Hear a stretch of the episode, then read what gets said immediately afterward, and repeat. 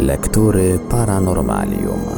W dzisiejszym odcinku Lektur Paranormalium kontynuujemy lekturę książki Lucjana Znicza zatytułowanej Paleoastronautyka. Książkę rozpoczynającą słynny cykl Goście z kosmosu prezentujemy w odcinkach w całości.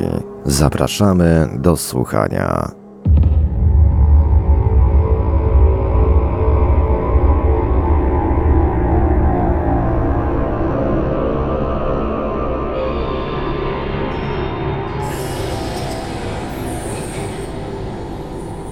Nierozwiązany problem wielkich jaszczurów. Musimy jakoś ten problem wielkich jaszczurów rozwiązać. A jeśli nie stać nas w tej chwili na zadowalające rozwiązanie, to przynajmniej milcząco przyjąć jego istnienie do wiadomości. Uznanie z tego powodu wszystkich fascynujących wykopalisk z Ika za mistyfikację nic nam nie pomoże. Bowiem rysunki i rzeźby wielkich jaszczurów spotykamy nie tylko na kamieniach z Ika. Relacjonowałem już o odkryciu w 20 latach tego wieku przez Da Silva Ramosa na rzece Parimie tak zwanego Pedra Pintada, malowanego kamienia. Otóż trzeba teraz powiedzieć, że do dziś toczy się wśród fachowców dyskusja na temat szeregu namalowanych na nim zwierząt. Podczas gdy jedni z naukowców uważają je za odpowiednio wyolbrzymione i wystylizowane żółwie, inni twierdzą, iż są to wierne podobizny dinozaurów. W tym mniej więcej czasie, gdy Ramos kontynuował swe wyprawy odkrywcze po Ameryce Południowej, do Heni zorganizował ekspedycję archeologiczną do północnej Arizony w Ameryce Północnej. I ta ekspedycja w roku 1924 odkryła wydrapany krzemieniem na skalę jednego z kanionów wizerunek dziwnego zwierzęcia, które najbardziej odpowiada wyglądowi tyranozaura. Ale już najbardziej niezwykłego w tej dziedzinie odkrycia dokonał przypadkiem w roku 1945 kupiec z miejscowości Acambaro w środkowym Meksyku Waldemar Julsrud. Podczas jednej z wycieczek w okolicy miasteczka natrafił on na jeszcze bardziej gigantyczne skupisko różnego rodzaju statuetek z gliny niż kamienna biblioteka z Ika. Wystarczy powiedzieć, że w ciągu siedmiu lat Julsrud uzbierał ponad 30 tysięcy takich glinianych figurek. Czego tam nie ma? Gliniane fajki i maski, garnki i różnego rodzaju naczynia, szereg przedmiotów o trudnym dziś do wyjaśnienia przeznaczeniu i wreszcie niekończąca się galeria podobizn ludzi i zwierząt, czasem lepionych pojedynczo, czasem zaś grupowo, przedstawiających jakieś sceny czy obrzędy. I właśnie wśród tej ostatniej serii znajdują się, obok wiernie odtworzonych zwierząt żyjących do dziś na tych terenach, także nie mniej wierne podobizny tzw. Tak konia Owena, Equus convesidens, który wymarł dobrych kilkadziesiąt tysięcy lat temu, a także gigantycznych jaszczurów, dinozaurów i plezjozaurów. I tu zresztą z fotograficzną niemal dokładnością powtórzyła się historia odkryć z Ika. Przez wiele lat Julsrud daremnie usiłował zainteresować swymi figurkami uczonych. Pierwszy naukowiec, który wziął figurki do ręki, natrafiwszy na niemożliwą do rozwiązania zagadkę, orzekł, iż są to falsyfikaty i odtąd już nikt nie chciał się podjąć ponownego zbadania całej sprawy. Dopiero 20 lat po pierwszym odkryciu Julsruda zainteresował się jego zbiorem naukowiec amerykański profesor Hapgood. Za pierwsze swe zadanie Hapgood uznał weryfikację autentyczności figurek Hilsruda. Przesłane do New Jersey i przebadane w tamtejszym laboratorium metodą węgla radioaktywnego C14 wzorce oceniono na 3600 lat, z dopuszczalnym stuletnim błędem w obie strony. Tak więc, wbrew wydanej a priori opinii wielu innych naukowców, nie jest to żadna mistyfikacja. Wtedy Hapgood zainteresował się pochodzeniem i okolicznościami wyszukiwania figurek przez miejscowych Indian. Okazało się, że poza Acambaro istną kopalnią identycznych figurek była pobliska miejscowość San Miguel Allende, gdzie uczony dotarł do starych piramid z głębokimi otworami, poprzez które Indianie wydobywali właśnie z ich wnętrza gliniane figurki. Ponadto 44 figurki znalezione zostały zupełnie nieoczekiwanie już w toku prac badawczych Hapguda pod fundamentami zamieszkałego od roku 1930 domu naczelnika policji w Akambaro. Cóż z tego jednak, że w ten sposób profesor Hapgood udowodnił autentyczność i odległe, bo liczące minimum 3500 lat pochodzenie figurek z Akambaro i okolic. Stwierdzenia te bardziej zaciemniły jeszcze całą sprawę, niż ją rozjaśniły. Bo o ile przy kamiennych płytkach z Inka możemy się jeszcze łudzić, że sięgają one w głąb czasu na setki tysięcy albo nawet i miliony lat, o tyle wiek figurek został ściśle ograniczony. A czymże są te 3000 lat wobec 60 milionów? Od których odtworzone w figurkach zwierzęta nie powinny już istnieć na Ziemi. Naukowiec radziecki profesor Bosłajew, który znów jako jeden z nielicznych miał odwagę stwierdzić, iż wierzy w autentyczność figurek z Akambaro, wysuwa hipotezę, zgodnie z którą figurki te były swego rodzaju pomocami naukowymi przy studiowaniu przez dawne amerykańskie kultury swych jeszcze dawniejszych dziejów. Figurki takie według Bosłajewa mogły być odtwarzane i przekazywane z pokolenia na pokolenie od dziesiątków tysięcy lat. Tłumaczyłoby to wprawdzie, w jaki sposób mogły powstać 3000 lat temu wierne podobizny nieistniejących już wówczas zwierząt, ale niestety w żaden sposób nie tłumaczy, dlaczego podobizny te dotyczą zwierząt wymarłych przed dziesiątkami milionów lat. Trzeba wyraźnie powiedzieć, są tylko dwa całkowicie kończące sprawę podobizn jaszczurów rozwiązania. Albo wszystko to należy do gigantycznych mistyfikacji i wtedy nie trzeba nic wyjaśniać, albo znaleziska są prawdziwe i wtedy nie mamy żadnego wyjaśnienia. Odpowiedź pierwsza w świetle przytoczonych faktów nie wydaje się prawdziwa, ale za to jakże uspokajająca i podnosząca na duchu. Odpowiedź druga stawia nas, który to już raz, przed niezbadaną wręcz głębią wiedzy starych cywilizacji, tak olbrzymią, że całej naszej wiedzy nie starcza, by ją wyjaśnić. Cóż więc dziwnego, że koryfeusze współczesnej wiedzy wolą odpowiedź pierwszą.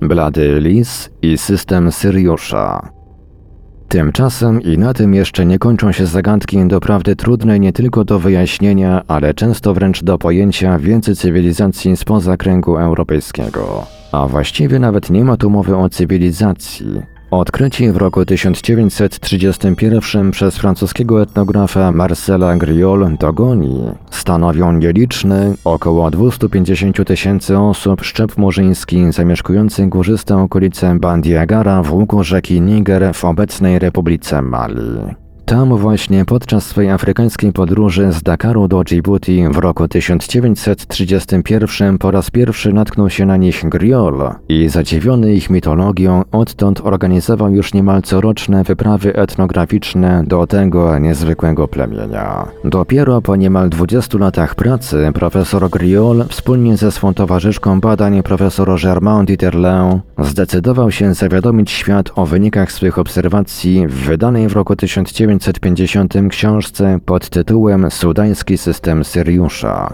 Gdzie Sudan, gdzie Syriusz? Już sam tytuł przesądził losy tej relacji. Przeszła bez większego echa nawet w świecie etnograficznym.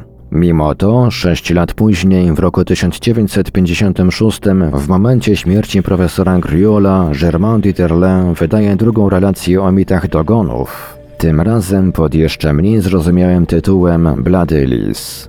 I znów mija niemal 20 lat bez echa. Dopiero ostatnio, w roku 1976, obie relacje naukowców francuskich ponownie odkryli Garnier, który wydał na ten temat własną książkę pod tytułem Esej na temat kosmologii dogonów Arcanommo. Temple, który rozreklamował książki Griola i Dieterlin za pomocą własnej książki pod tytułem Tajemnica Syriusza, a wreszcie niepokonany Dejniken, który nie zdążył wprawdzie wydać jeszcze na ten temat książki, ale na trzecim Międzynarodowym Kongresie Towarzystwa Antycznych Astronautów w dniach od 17 do 23 maja 1976 roku w Trzykwenicy wygłosił na temat mitologii dogonów dotyczącej Syriusza obszerny referat. Czym wytłumaczyć tę fascynację mitami jakiegoś niewielkiego murzyńskiego plemienia zagubionego w buszu czarnej Afryki?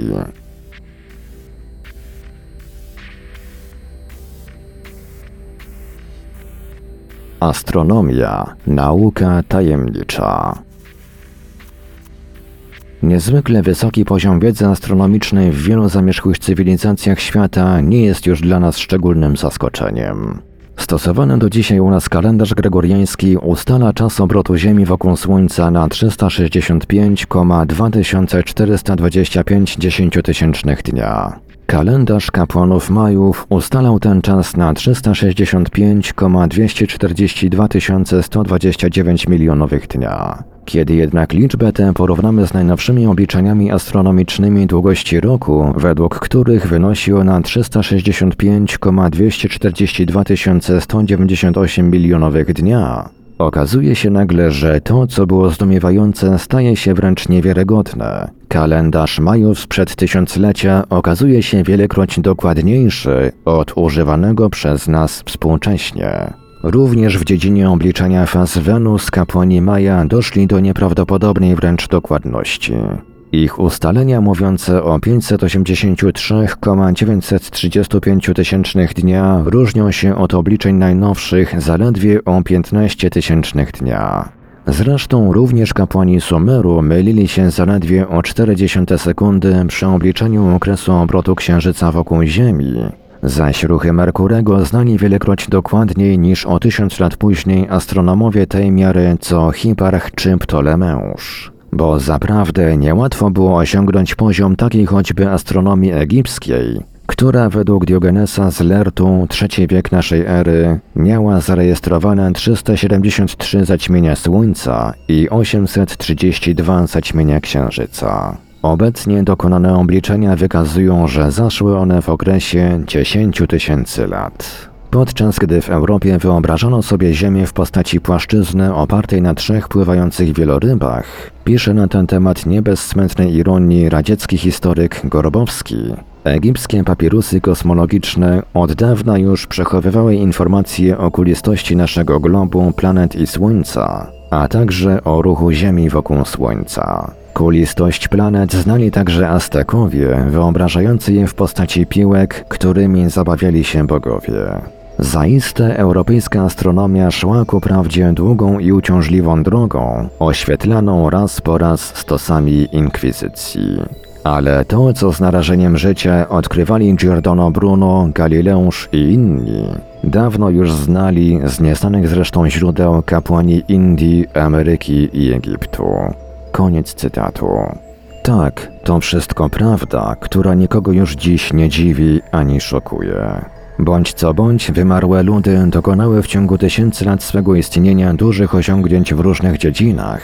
I choć wciąż nie możemy się wyzbyć zarozumiałości z powodu własnych współczesnych postępów, im również przyznaliśmy zaszczytne miana cywilizacji. Ale oto teraz, dzięki odkryciom Marcela Criolla i Germain Dieterle, okazuje się nagle, że żyjące współcześnie i z wszelką pewnością znajdujące się na niskim poziomie cywilizacyjnym plemię Dogonów również dysponuje wiedzą astronomiczną, która niewiele odbiega od naszych obecnych w tej dziedzinie osiągnięć. Nie mają oni swego pisma, to też całą swą wiedzę z pokolenia na pokolenie przekazują tylko słowem mówionym i rysunkami i symbolami. Nie znają pisma, ale znają dobrze planety Saturn i Jowisz. Mało tego, każdą z nich oznaczają odrębnym rysunkiem symbolem, przy czym Jowisz jest to duże koło z czterema otaczającymi je małymi kółkami, zaś Saturn dwa koła współśrodkowe. Czy nie dziwny to zbieg okoliczności? Jowisza przecież obiegają właśnie cztery duże satelity, i ponadto osiem dalszych, mniejszych, odkrytych stosunkowo niedawno, zaś Saturn jako jedyna planeta naszego systemu otoczony jest słynnymi pierścieniami. W dodatku ten zbieg okoliczności staje się jeszcze dziwniejszy, gdy uświadomimy sobie, że zarówno księżyce Jowisza, jak i pierścienie Saturna widoczne są tylko przez lunety, o których dogonowie nigdy w życiu nie słyszeli. A przecież nie chodzi tu tylko o dwie wybrane planety naszego układu. Oto tylko kilka zdań zarejestrowanych na taśmie magnetofonowej przez francuskich etnografów z bogatej mitologii dogonów dotyczącej powstania Ziemi i świata. Ziemia jest częścią łożyska, Słońce resztą łożyska, a Księżyc uzupełnieniem otworu powstałego przez wyrwanie łożyska. Stwierdzają oni jednoznacznie wspólne pochodzenie Słońca, Ziemi i Księżyca z jednej materii gwiazdowej. Ziemia obraca się wokół siebie i przebiega ponadto wielkie koło świata, jak bąk, który wirując tworzy koło. Obrazowo wyjaśniają ruchy Ziemi. Słońce obraca się wokół własnej osi, jak gdyby pod wpływem spiralnej sprężyny. Nie wiadomo na podstawie jakich przesłanek wyciągają wnioski zgodne ze współczesną astronomią. Gwiazdy stałe są to gwiazdy, które nie obracają się wokół innych gwiazd. Planety zaś i satelity planet są to gwiazdy, które obracają się i tworzą koło.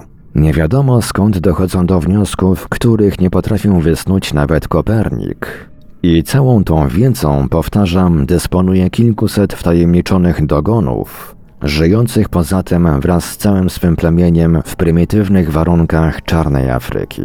Czy można sobie wyobrazić, by wszystkie te przekazywane jak największa świętość z pokolenia na pokolenie nie zrozumiałem zapewne już dla nich samych zdania, tylko z biegiem okoliczności zawierały tak rzetelne i tak istotne informacje astronomiczne? A jeśli nie jest to zbieg okoliczności, to kto dogonom odkrytym przez naszą cywilizację zaledwie pół wieku temu te bity darował?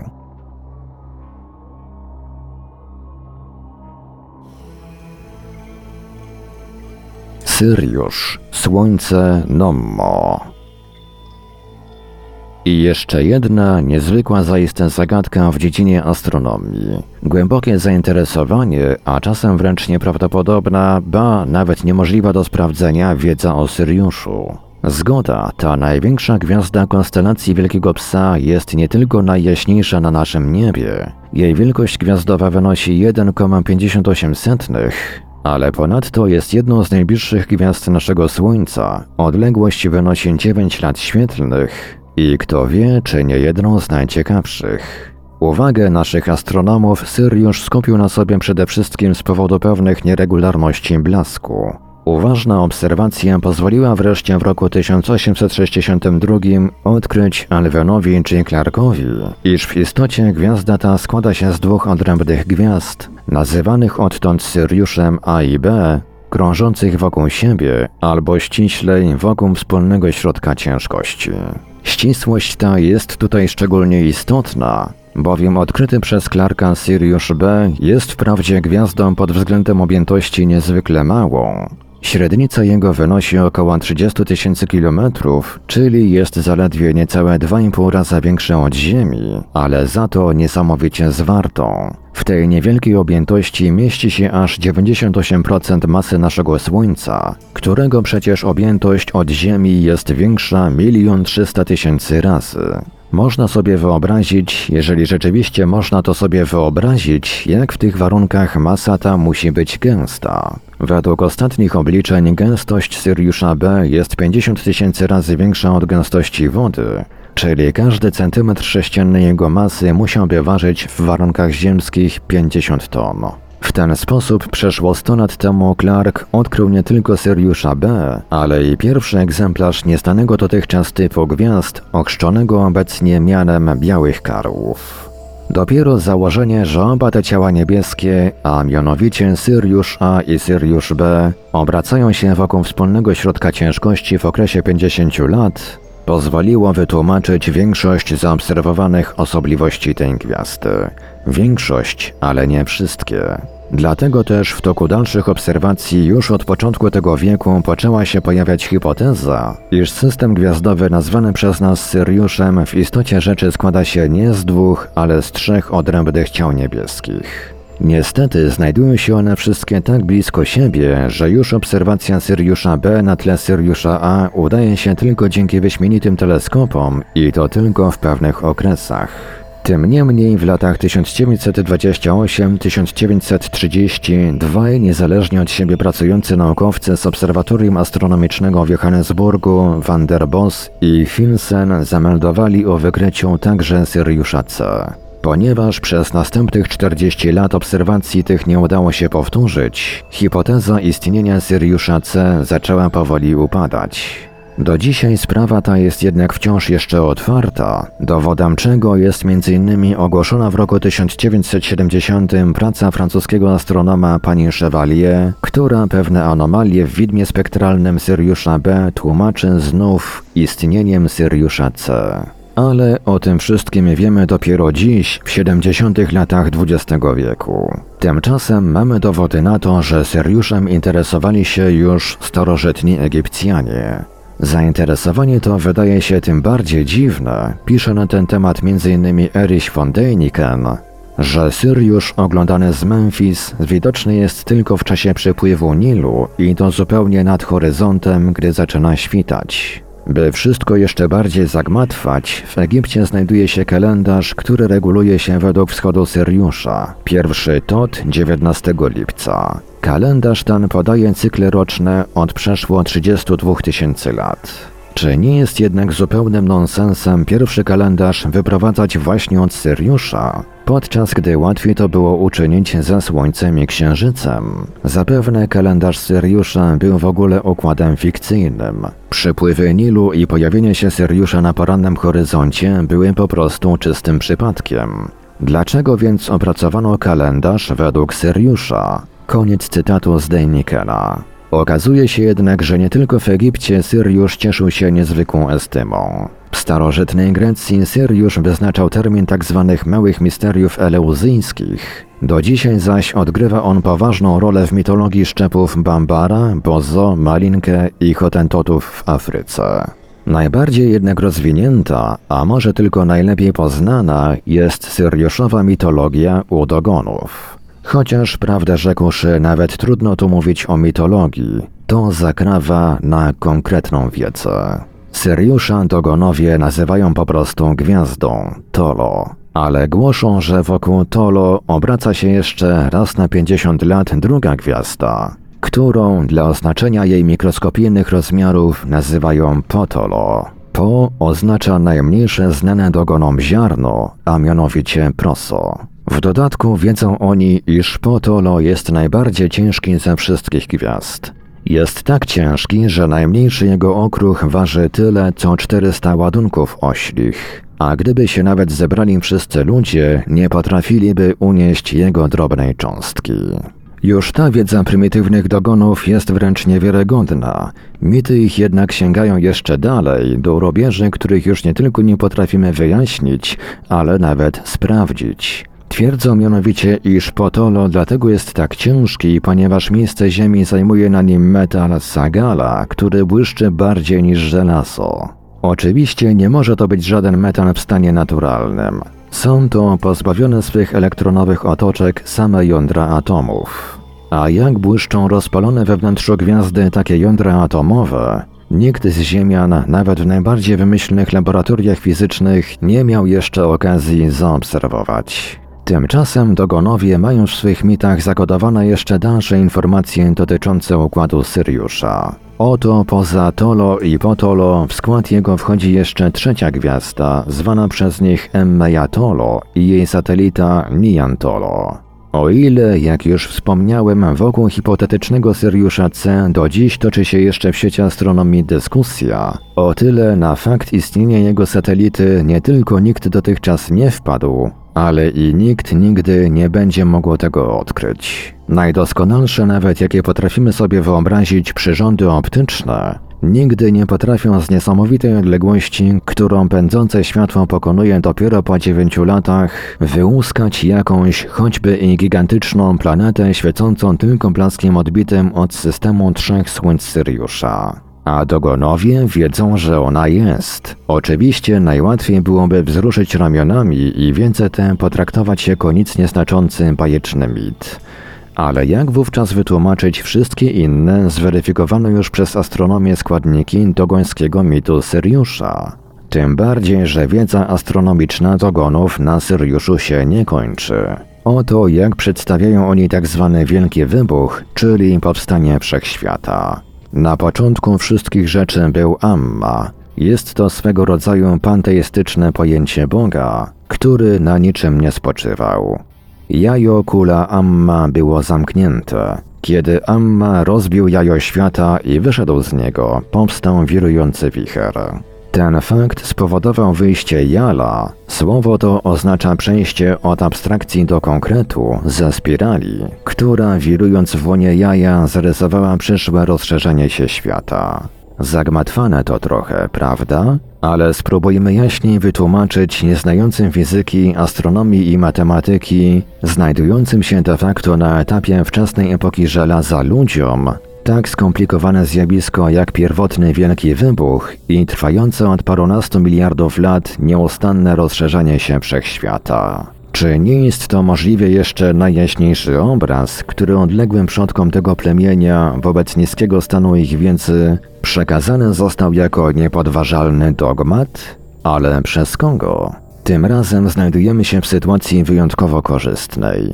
To nie jest odległa w czasie cywilizacja, po której zostało tylko kilka śladów, rzadko kiedy wiążących się ze sobą w logiczną całość, a już nigdy nie potrafiących wyjaśnić wszystkich wyłaniających się w toku wykopalisk tajemnic i zagadek. Tym razem mamy do czynienia z dziś wciąż żyjącymi obok nas ludźmi, którzy na każde nasze pytanie mogą, oczywiście jeśli zechcą, odpowiedzieć. A na pytanie o autora wszystkich tych trudnych do pojęcia dla nas mitów dogonowie odpowiadają wyjątkowo chętnie.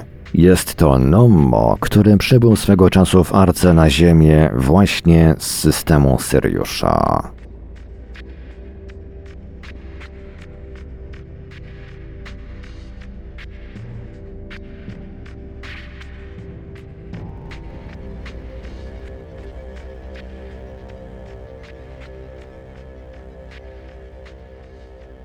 Radiu Paranormalium zaprezentowaliśmy fragment książki Lucjana Znicza Paleoastronautyka. Dalszy ciąg w kolejnym odcinku Lektur Paranormalium. Archiwalne odcinki Lektur Paranormalium znajdziesz do pobrania w archiwum naszego radia na stronie www.paranormalium.pl.